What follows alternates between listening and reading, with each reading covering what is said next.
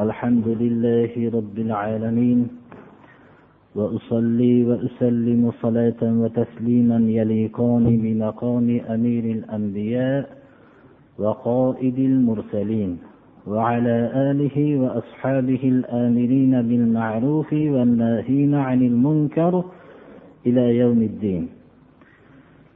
أما بعد السلام عليكم ورحمة الله. bugungi kun juma kuni rajab oyining yettinchi kunlari janobi rasululloh sollallohu alayhi vasallamdan avs ibn avs roziyallohu anhu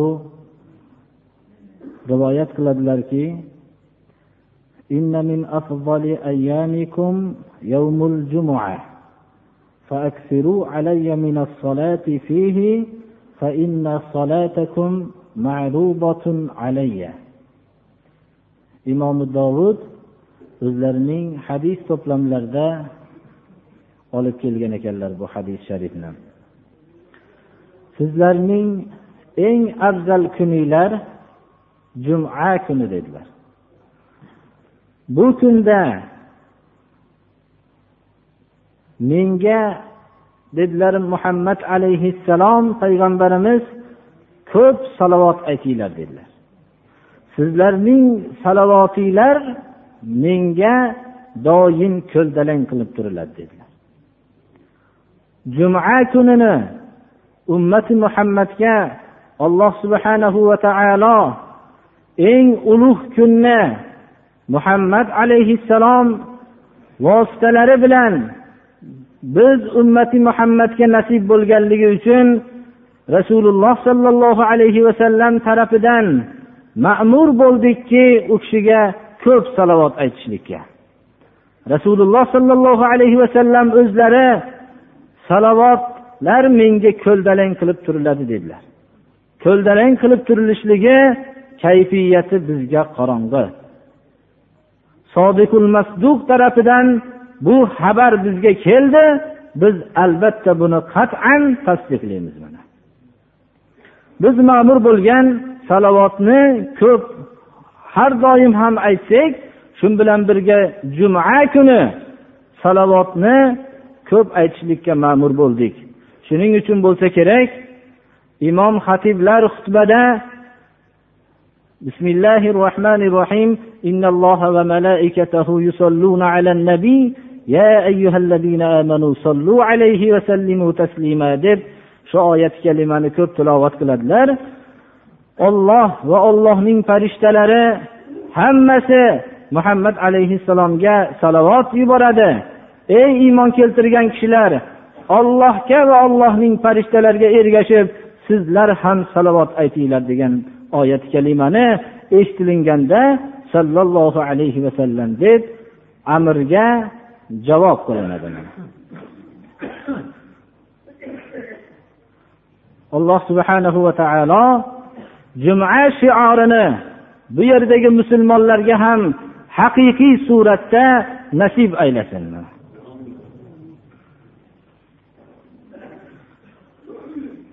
Juma kunida qur'oni karimdan davom etib kelayotgan darsimiz suratul qalamga kelib to'xtagan edi.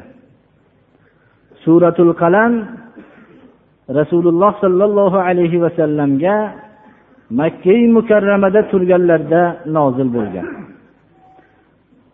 Ellik ikki oyatni tashkil qiladi. Suratul qalam bizlarga rasululloh sollallohu alayhi vasallamning da'vat yo'lida qanchalik aziyat chekkanliklarini avvalgi qismi bizga yorqin ifodalab beradi. U kishi hayotda hech qaysi bir yomon odamga ham aytilmagan so'zlarni shu zotga makka mushriklari bo'xtonan shu kishini haqlariga shu so'zlarni aytganliklarini bayon qiladi. Va alloh subhanahu va taolo rasululloh sollallohu alayhi vasallamni qalblariga tasalli berib u kishiga buncha bo'layotgan aziyatlarni yupantiradigan oyatlarni nozil qiladi. Va shu bilan birga din ishida jiddiy bo'lishlikka buyuriydi. Va bu oldilariga kelib u kishini bilan noto'g'ri bir aldab sulh tuzmoqchi bo'lgan kishilarning basharalarini ochib tashlaydi qur'oni karim. Va shu bilan birga alloh subhanahu va taolo tarafidan berilingan mol martaba sultonga aldanib buni olloh tarafidan imtihon ekanligini esdan chiqargan kishilarga o'tgan millatlardagi shunday moli davlatga aldanib moli davlatdagi fuqarolar miskinlar haqqini esdan chiqargan kishilarning ayanchli hollarini alloh subhanahu va taolo bizga qissa qilib beradi. الله الرحمن الرحيم نون والقلم وما يسترون ما أنت بنعمة ربك بمجنون وإن لك لأجرا غير ممنون وإنك لعلى خلق عظيم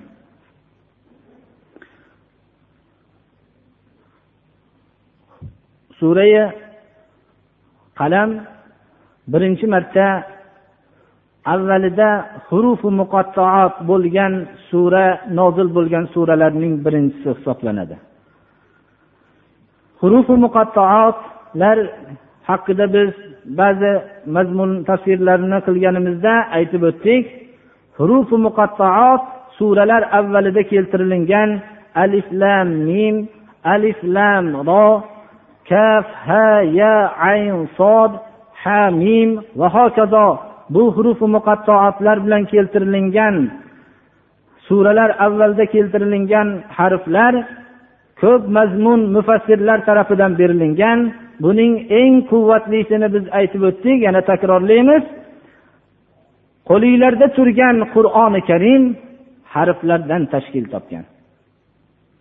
Olloh shu harflardan qur'on yasadi. Sizlar harflardan hikoyalar she'rlar yasadinglar buning agar tamsil joiz bo'lsa alloh subhanahu va taolo tuproqdan inson yasadi. Sizlar tuproqdan haykallar boshqa hayvonlarning shaklini yasadinglar sizlar tuproqdan yasagan haykallar bilan olloh yasagan inson o'rtasida qanchalik farq bo'lgan bo'lsa sizlar yasagan hikoya she'rlar bilan olloh harflardan yasagan qur'on o'rtasidagi farq shuncha. Agar bir kishi qur'on bilan boshqa kitoblarning farqi nima ekan degan bo'lsa uning nodonligi tuproqdan yasagan haykal bilan inson o'rtasida nima farq bor degan bilan bab barobardir ana suralar avvaldagi hurufi muqattoatlar ana shu mazmunni ifodalaydi. Surai qalamning avvali ham nun harfi bilan boshlanadi. Alloh subhanahu va taolo qalamga qasam ichadi. Va qalam vositasi bilan yozilingan harflarga qasam ichadi. Qasam ichib muhammad alayhissalomga makka mushriklari tarafidan hatto rasululloh sollallohu alayhi vasallamga juda ko'p bo'xtonlar qilishuvdi shu bo'xtonlar ichida hatto bu kishini majnun deyishgan edi. Jinni degan so'zga jur'at qilishgan edi. Alloh subhanahu va taolo qalamga qasam qalam vositasi bilan kitobat qilingan harflar xatlarga qasamki siz ey muhammad alayhissalom rabbingizni shuncha ne'matlari sizda bo'la turib majnun emassiz degan oyat nozil qildi. Alloh subhanahu va taoloning bu surani nozil qilgan vaqt odamlar qalam bilan qalam vositasi bilan yozilingan xatlar bilan qanday aloqalarda bo'lishlikni rivojlanmagan nihoyatda qoloq davrda bu oyatni nozil qildi. Xususan makka muhitida yozish ularning bilish uslublari yo'llari qalam yozish vositasi bilan emas edi. Makkadagi ko'pchilik xalqlar yozishlik bilan qalam vositasi bilan foydalanishlikni kamchiliklari bilardi. Ana bu davrda alloh subhanahu va taolo o'zi nozil qilgan qur'on qur'oni karim olib kelgan aqida islom kelajakda qalam va qalam vositasida yozilingan yo'l bilan butun olamga tarqalishligini va qalamning da'vat yo'lidagi va qalam vositasi bilan yozilingan xatlarning da'vat yo'lidagi qanchalik ahamiyatli ekanligini qasam ichishlik bilan ifodalayapti. Shu bilan birga risolat egasini muhammad alayhissalomni siz rabbiz ne'matlarini ne'matlar ichida eng katta risolat ne'mati. Shu ne'mat bilan siz majnun emassiz degan so'zga qasam ichib aytyapti. Sizga tugalmas kelajakda mukofot savob bor. Bularning so'zlariga g'amgin bo'lmang. Siz majnun emassiz. Siz ulug' xulq egasisiz siz ulug' xulq ustidasiz. Rasululloh sollallohu alayhi vasallamning xulqlari haqida hadis kitoblari to'laki u kishining axloqlarining komil suratda ekanligida hech qaysi bir musulmon shak shubha qilmaydi. Hatto islomga ashaddiy dushman bo'lgan kishilar ham bu kishining ulug' xulq egasi ulug' xulq egasi ekanligida shak shubha qilishmagan va hozirda ham u kishining xulqiga tan olib kelinmoqda. Hatto islomga ashaddiy dushmanlik qilib turgan islom keltirishligidan ilgari abu sufyon rum viloyatining podshosini huzurida turganda biror marta yolg'on bilan tuhmatlaganmisizlar bu kishini degan savoliga hech qachon yolg'on bilan biz tuhmatlagan emasmiz deyishdi. U vaqtda islomni qabul qilmagan edi. Payg'ambarimiz sollallohu alayhi vasallamga ashaddiy qarshi edi. Shu soatda ham u kishining biror bir axloqsizligini isbotlab aytib bera olmadilar chunki u kishi ulug' xulq egasi edi mana. Alloh subhanahu va taolo tarafidan ulug' xulq egasi ekanligi haqidagi aytilingan so'zda men hadislarda keltirilgan ko'p narsalarni aytib o'tirmayman lekin bu kishining qanchalik xulq egasi bo'lganligi mana shu kalima butun olamning tarbiyat kunandasi tarafidan nozil bo'lganda ham o'zlari quvonib shundan faxrlanib xalq o'rtasida robbim meni ulug' xulq egasi deb biror marta hayotlarida maqtanmaganliklari bu eng oliy xulq egasi ekanliklarini yorqin namunasi birodarlar. Agar bir kishi biror katta kishi bir kishini siz nihoyat darajada axloqsiz axloqli kishisiz xulqingiz yaxshi deb guvohlik bergan bo'lsa umrbod shuni gapirib o'tib ketadi. Butun olamning tarbiyat kunandasi o'zining azaliy kitobida siz ulug' xulq egasisiz degan oyatni nozil qilib qiyomatgacha tilovat qilinib qolingan ollohning azaliy shahodatini eshitganlaridan keyin ham o'zlarining yo'qotmasdan kamtarona yashaganliklari bundan ortiq ulug' xulq egasi deganligini izohlab bo'lmaydi birodarlar.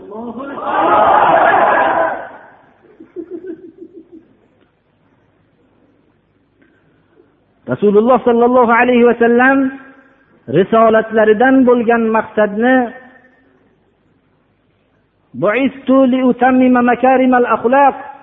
men oliy xulqlarni barkamol qilishlik uchun payg'ambar bo'lib jo'natildim dedilar. Rasululloh sollallohu alayhi vasallamning xulqlari qur'on edi qur'on nimaga buyursa ikkilanmasdan to'xtalmasdan qilganlar. Nimadan qaytargan bo'lsa qaytganlar agar bu kishini qur'onga amal qilishlikdan yer yuzining hammasini kuchi yetmagan to'solmagan.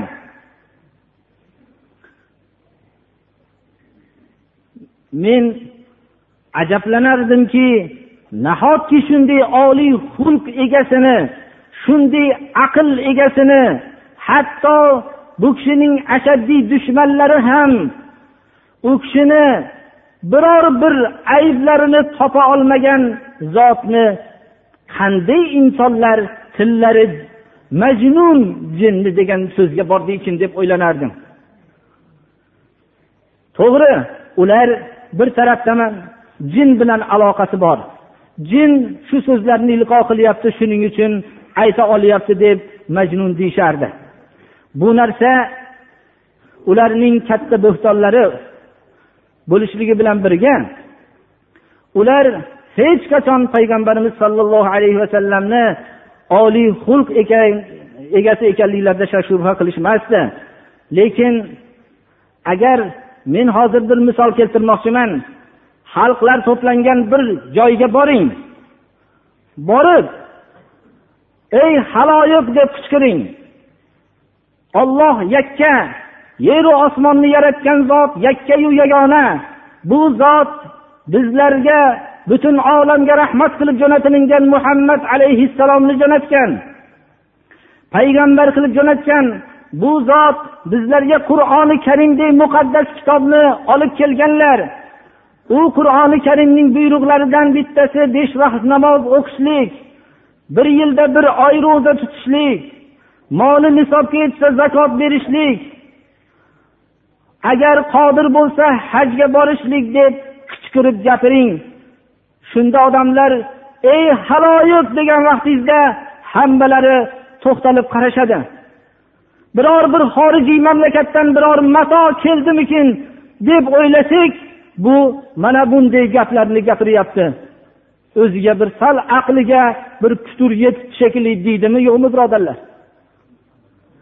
Ular ana shu vaqtda siz haqiqatni qichqirib aytganingizda odamlar agar hozir ham payg'ambarlarning aytgan so'zlarini ayta oladigan kishini majnun deyishadilar odamlar.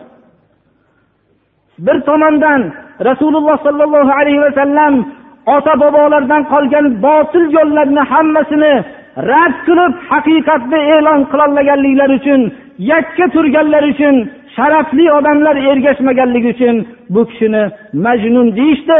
Hozir ham shu kishini yo'lini tutgan odamni odamlar johiliyat botqog'iga botganligi uchun majnun deyishadi hozir ham.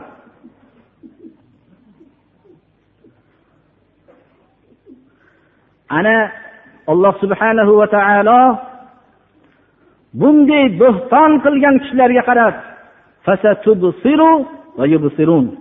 g'amgin bo'lmang ey muhammad alayhissalom. Sizning sha'ningizga bo'lgan bo'xtonlarga g'amgin bo'lmang. Yaqin kelajakda haqiqatni ko'rishadi.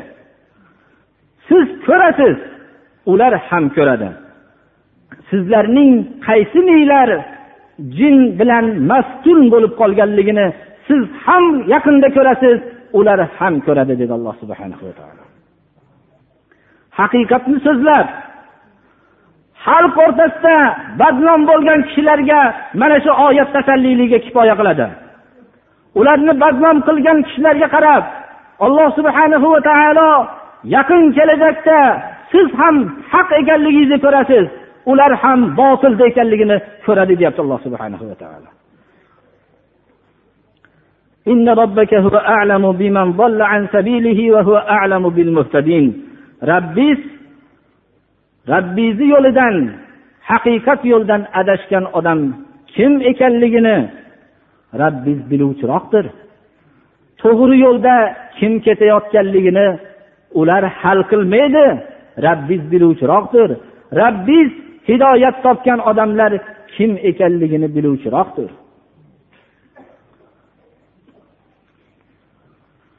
Shu bilan birga alloh subhanahu va taolo bu kishini yo'lini yolg'on deyayotgan kishilarning kim ekanligini fosh qilib tashlaydi.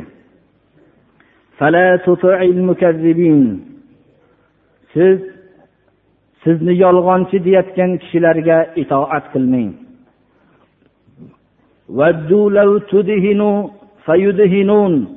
Sizning yoningizga kelib sizni muloyimlashib o'zingizni yo'lingizdan qaytishligingizni do'st tutishadi ular. Ular ham muloyimlashib siz ham muloyimlashsangizu rabbingizni hukmlarini ko'pini qo'yib qo'yishligingizni do'st tutadi ular. Ularning tabiati shunday u sizni yo'lingizni yolg'on deyotgan kishilarga itoat qilmang. Itoat qilmang bu qasamxo'rga. Rasululloh sollallohu alayhi vasallamning huzuriga valid ibn mug'ira kelib ko'p so'zlarni aytdi. Payg'ambarimiz sollallohu alayhi vasallam bilan ko'p haqiqatga chaqirganlaridan keyin makka mushriklari qiynalishdi. Ularning kattalari utba shayba abu sufyon osibn hishom asvad ibn muttolib abu jahl valid ibn mug'ira va boshqa katta kishilar rasululloh sollallohu alayhi vasallamning avval islomda himoya qilib bu kishiga mehribon bo'lib yurgan abu tolib oldiga kelishdi aytishdi ya aba tolib إن ابن أخيك قد سبك آلهتنا وعاب ديننا وسفه أحلامنا ضلل آبانا وضلل آبانا فإما أن تكفه عنا وإما أن تخلي بيننا وبينه فإنك على مثل ما نحن عليه من خلافه فنكفيكه ey abu tolib bu sizning jiyaningiz bizni butlarimizni haqorat qildi dinlarimizni aybladi. Aqllarimizni nodonlikka nisbatladi. Ota bobolarimizni adashganga chiqardi. Yo bizdan buni jiyaningizni tiyasiz yo bo'lmasam biz bilan u jiyaningizni xoli qilib qo'yasiz. Chunki siz ham bizni yo'limizdasiz deyishdi. Abu tolib ularni yumshoq so'zlar bilan ularga javob berdilar. Abu tolib ma'lum bir vaqt o'tgandan keyin rasululloh sollallohu alayhi vasallam o'zlarining yo'llarida jiddiy davom etganlaridan keyin yana qaytib kelishdi. Ey abu tolib sizning yoshingiz ulug' sharafli kishisiz bizni o'rtamizda martabangiz bor. Biz sizni jiyaningizni tiyib qo'yishlikni sizdan talab qilgan edik. Siz tiymadingiz biz endi bundan ortiqqa chiday olmaymiz. Bobolarimizni ajdodlarimizni adashganga chiqarganligiga aqllarimizni nodonlikka nisbatlaganligiga butlarimizni ayblaganligiga chidolmaymiz. Hatto tiyasiz yo bo'lmasam biz siz bilan o'rtamizda sizni ham qo'shib u bilan jang qilamiz. Ikkov toifadan bittasi halok bo'lib yo'q bo'lib ketguncha dedi abu tolib rasululloh sollallohu alayhi vasallamning oldilariga kelib nihoyatda mehribon edi. Jiyanim dedilar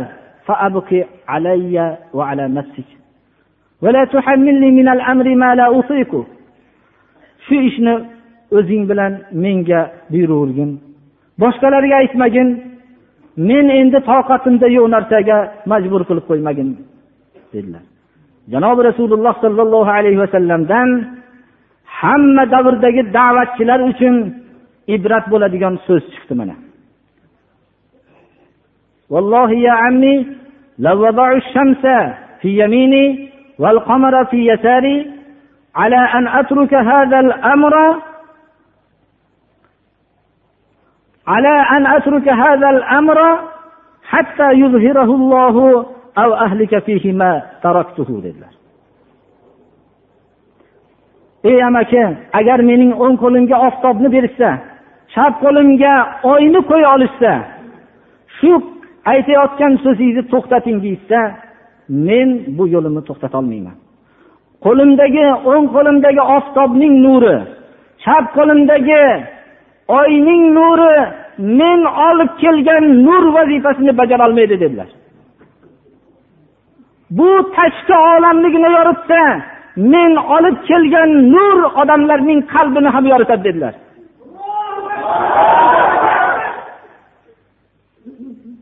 Ana shunday jiddiy bo'lganlar. Rasululloh sollallohu alayhi vasallamni alloh subhanahu va taolo ogohlantiryapti. Sizni yumshab yo'lingizdan qaytishingizni xohlashadi. Ular ham yumshasa. Ularning yo'llari botil ular yumshashaveradi. Lekin alloh subhanahu va taolo tarafidan kelgan yo'l ollohni so'zi. Bunda yumshash o'rnida yumshaymiz yumshamaslik o'rnida yumshamaymiz birodarlar. Ana siz bunday qasamxo'r bo'lgan xorlarga ergashmang. Ko'p qasam ichuvchi odam gapi noto'g'riligidan to'g'riga o'xshatmoqchi bo'lib qasam ichadi. Mahinin xor xorligi o'zini hurmatlamagan. Odamlar ham uni hurmatlamaydi. Agarchi moldor martabador bo'lsa ham. Ko'p kishilar har qancha martaba mol egasi bo'lishligiga qaramasdan o'zlarining so'zlarini qadrsiz ekanliklarini bilishmaydilar. Ba'zi kishilar o'zlari zaif bo'lishliklariga qaramasdan gaplari haqiqat bo'lganligi uchun odamlar o'rtasida aziz bo'lib yashashadilar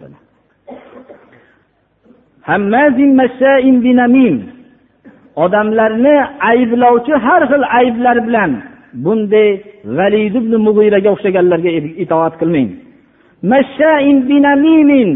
Ularning ishlari mashsho kalimasiga mubolag'a siyg'asiga diqqat berilsinki atroflarda chopib yurib odamlarga chaqimchilik qilib yuradigan kishilarga ergashmang. Payg'ambarimiz sollallohu alayhi vasallam ikki qabr oldidan o'tib ketayotib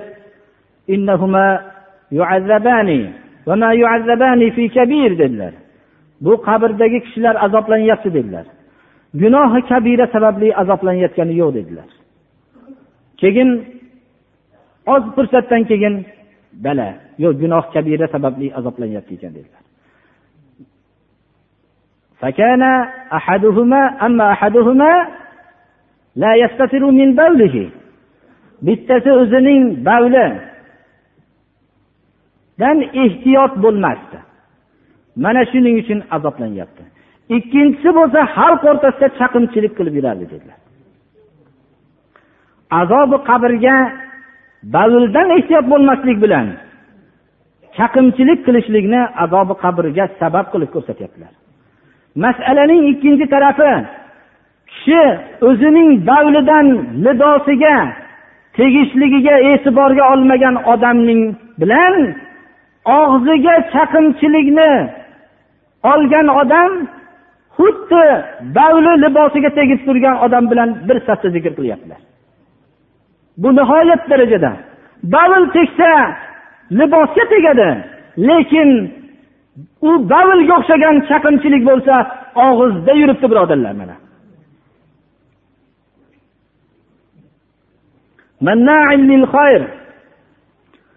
Yaxshilikni to'suvchi bo'lgan bunday kishilarga itoat qilmang. Yaxshilikni bu oyat kalima valid ibn mug'ira haqida nozil bo'lganligini aytyapmiz. U avlodu qarindoshlarga aytardiki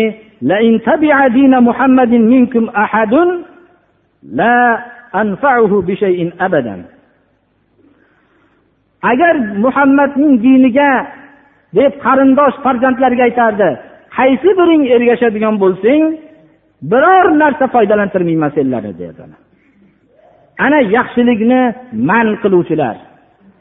Yaxshilik yo'lini haqiqat yo'lini man qiluvchi kishilarga ergashmang deyapti alloh taolo. Ularning yana haddilaridan tajovuz qilgan xalqlar. Haddilaridan tajovuz qilib tug'ilgan shaharlardan chiqarib tashladi muhammad alayhissalomni. Ayblari nima edi ayblari xalqni yakka ollohga chaqirgan edilar. Haqiqat yo'liga chaqirgan edilar ana. Shunday tajovuzkorlar asimin jinoyatchi vujudi gunoh bo'lgan odamlarga itoat qilmang.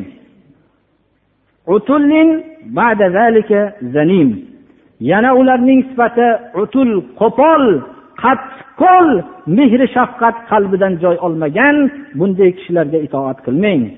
Shuncha sifatlar ustiga yana zanim ular.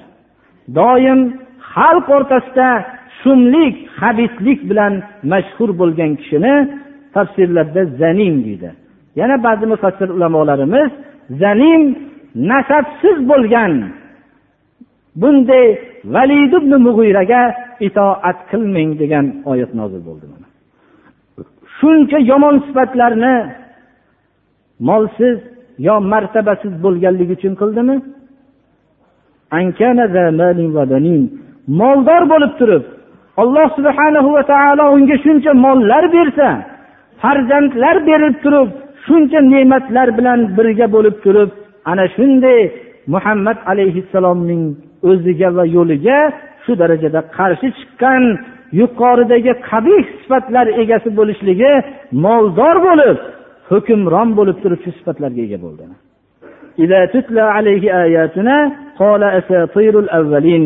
Unga ollohning oyatlari tilovat qilinsa o'tganlarning afsonasi deydi.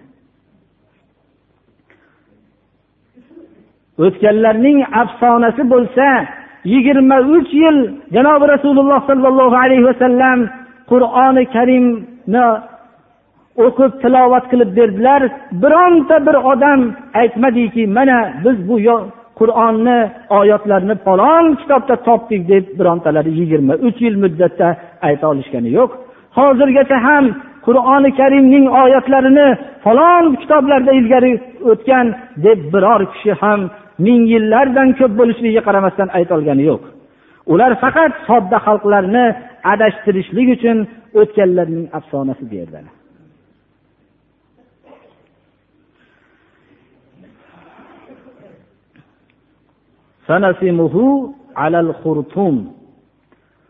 uning eng o'zini takabburligini ko'rsatgan xurtum xurtum deb asli to'ng'izning quruqlikda yashovchi to'ng'izning burnini aytadi.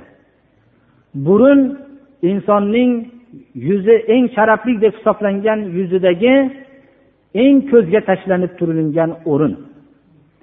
Ana shu eng sharafli qilib o'zini ko'rsatib turgan burniga xorlik belgisini alomatlab qo'yamiz deyapti alloh taolo. Ya'ni qo'pol qilib ba'zi mazmunlar bor o'zimizda burnidan ip o'tkazib qo'yamiz degan kalima. Uni shunday takabburlik qilganligi uchun ollohning kitobiga behayolarcha so'z aytganligi uchun uning xorlaymiz deyapti alloh taolo.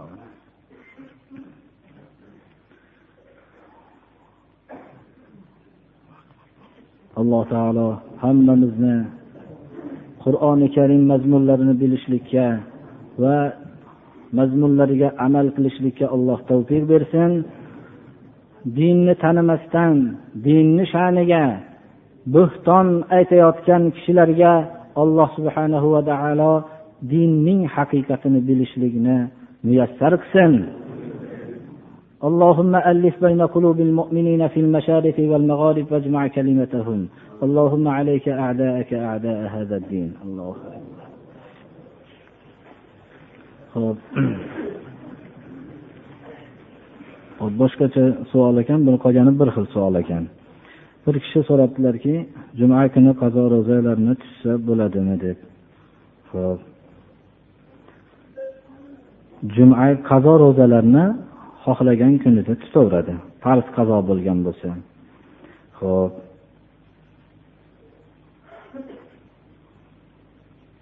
ro'za tutib hammomda yuvinsa ro'zasi ochiladimi yo'qmi debdi.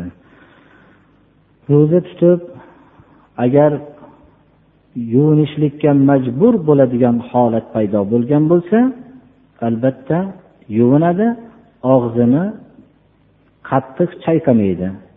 G'usulda burnini ham qattiq chayqamaydi. Shomdan ilgari shuni yaxshilab chayqab oladi lekin beuzr tushlik karohati bor bu narsani. Makruh hisoblanadi boshqa maktublardagi kishilar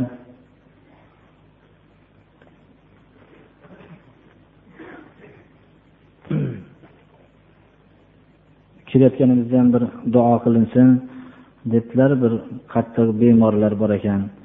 Yana bu kishilar ko'plarni maktublarini mazmuni shuki ba'zilarni farzandim hidoyat topsin duo qilinsin debdilar. Ba'zi ayollar ham maktub yozibdi.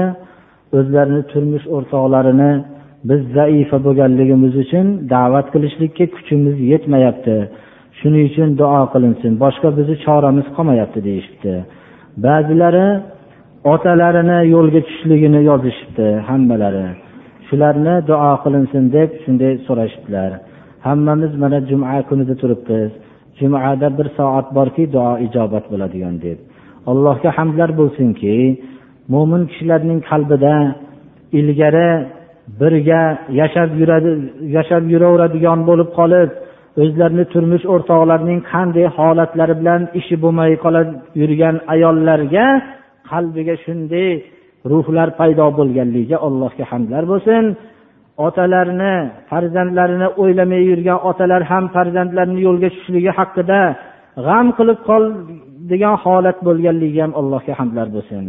Xususan farzandlar yana bo'lib ham bir ikkita maktublar qizlarning maktubi shular otalarini yo'lga tushishligini duo qilinsinki bizni dadamiz ham mana shu saflarda yuradigan bo'lsin.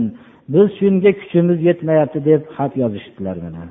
Alloh subhanahu va taolo hammalarini shar'iy maqsadlarini alloh o'zi ro'yobga chiqarsin. bular so'ragan narsa birontalarida bir dunyo yo boshqa bir martaba so'rashmabdi xudoyo o'zlarini oilalarini senga bo'ysunadigan oila bo'lishligini so'rashibdi xudoyo duo qilyapmiz اهدنا الصراط المستقيم صراط الذين أنعمت عليهم غير المغضوب عليهم ولا الضالين الله amin alloh taolo meni ham to'g'ri yo'ldan chiqarmasin Haqiqatni gapiradigan qilsin shunga amal qiladiganlardan qilsin allohu الحمد لله الذي خلق السماوات والأرض وجعل الظلمات والنور ثم الذين كفروا بربهم يعدلون. هو الذي خلقكم من طين ثم قضى أجلا وأجل مسمى عنده ثم أنتم تمترون. وهو الله في السماوات وفي الأرض يعلم سركم وجهركم ويعلم ما تكسبون وما تأتيهم من آية من آيات ربهم إلا كانوا عنها معرضين.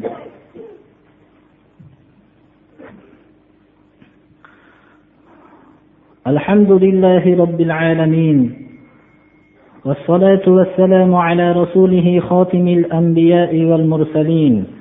وعلى آله الآمرين بالمعروف والناهين عن المنكر إلى يوم الدين. أعوذ بالله من الشيطان الرجيم. إن الله وملائكته يصلون على النبي. يا أيها الذين آمنوا صلوا عليه وسلموا تسليما. بسم الله الرحمن الرحيم. عن أوس بن أوس رضي الله تعالى عنه قال رسول الله صلى الله عليه وسلم إن من أفضل أيامكم يوم الجمعة فأكثروا فيه الصلاة علي فإن صلاتكم معروضة علي.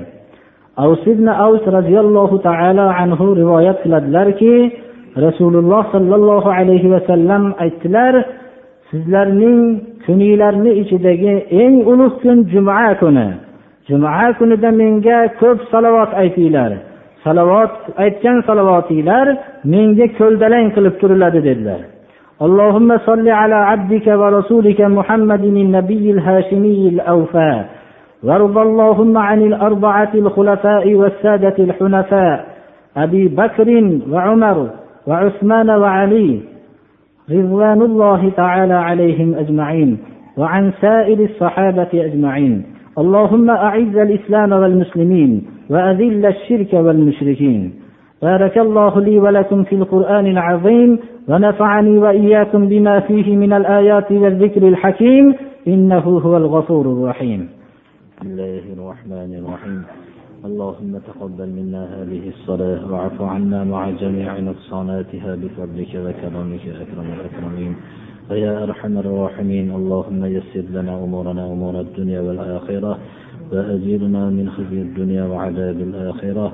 اللهم استرنا بسترك الجميل اللهم احفظنا يا فياض من جميع البلايا والأمراض. اللهم ألف بين قلوب المؤمنين في المشارق والمغارب أجمع كلمتهم. اللهم عليك أعداءك أعداء هذا الدين وصلى الله تعالى على خير خلقه محمد وآله وأصحابه أجمعين. الله أكبر. بسم الله الرحمن الرحيم. لقد جاءكم رسول من أنفسكم عزيز عليه ما عنتم حريص عليكم بالمؤمنين رؤوف رحيم. فإن تولوا فقل حسبي الله لا إله إلا هو. عليه توكلت وهو رب العرش العظيم. صدق الله العظيم. سبحان ربك رب العزة عما يصفون وسلام على المرسلين والحمد لله رب العالمين.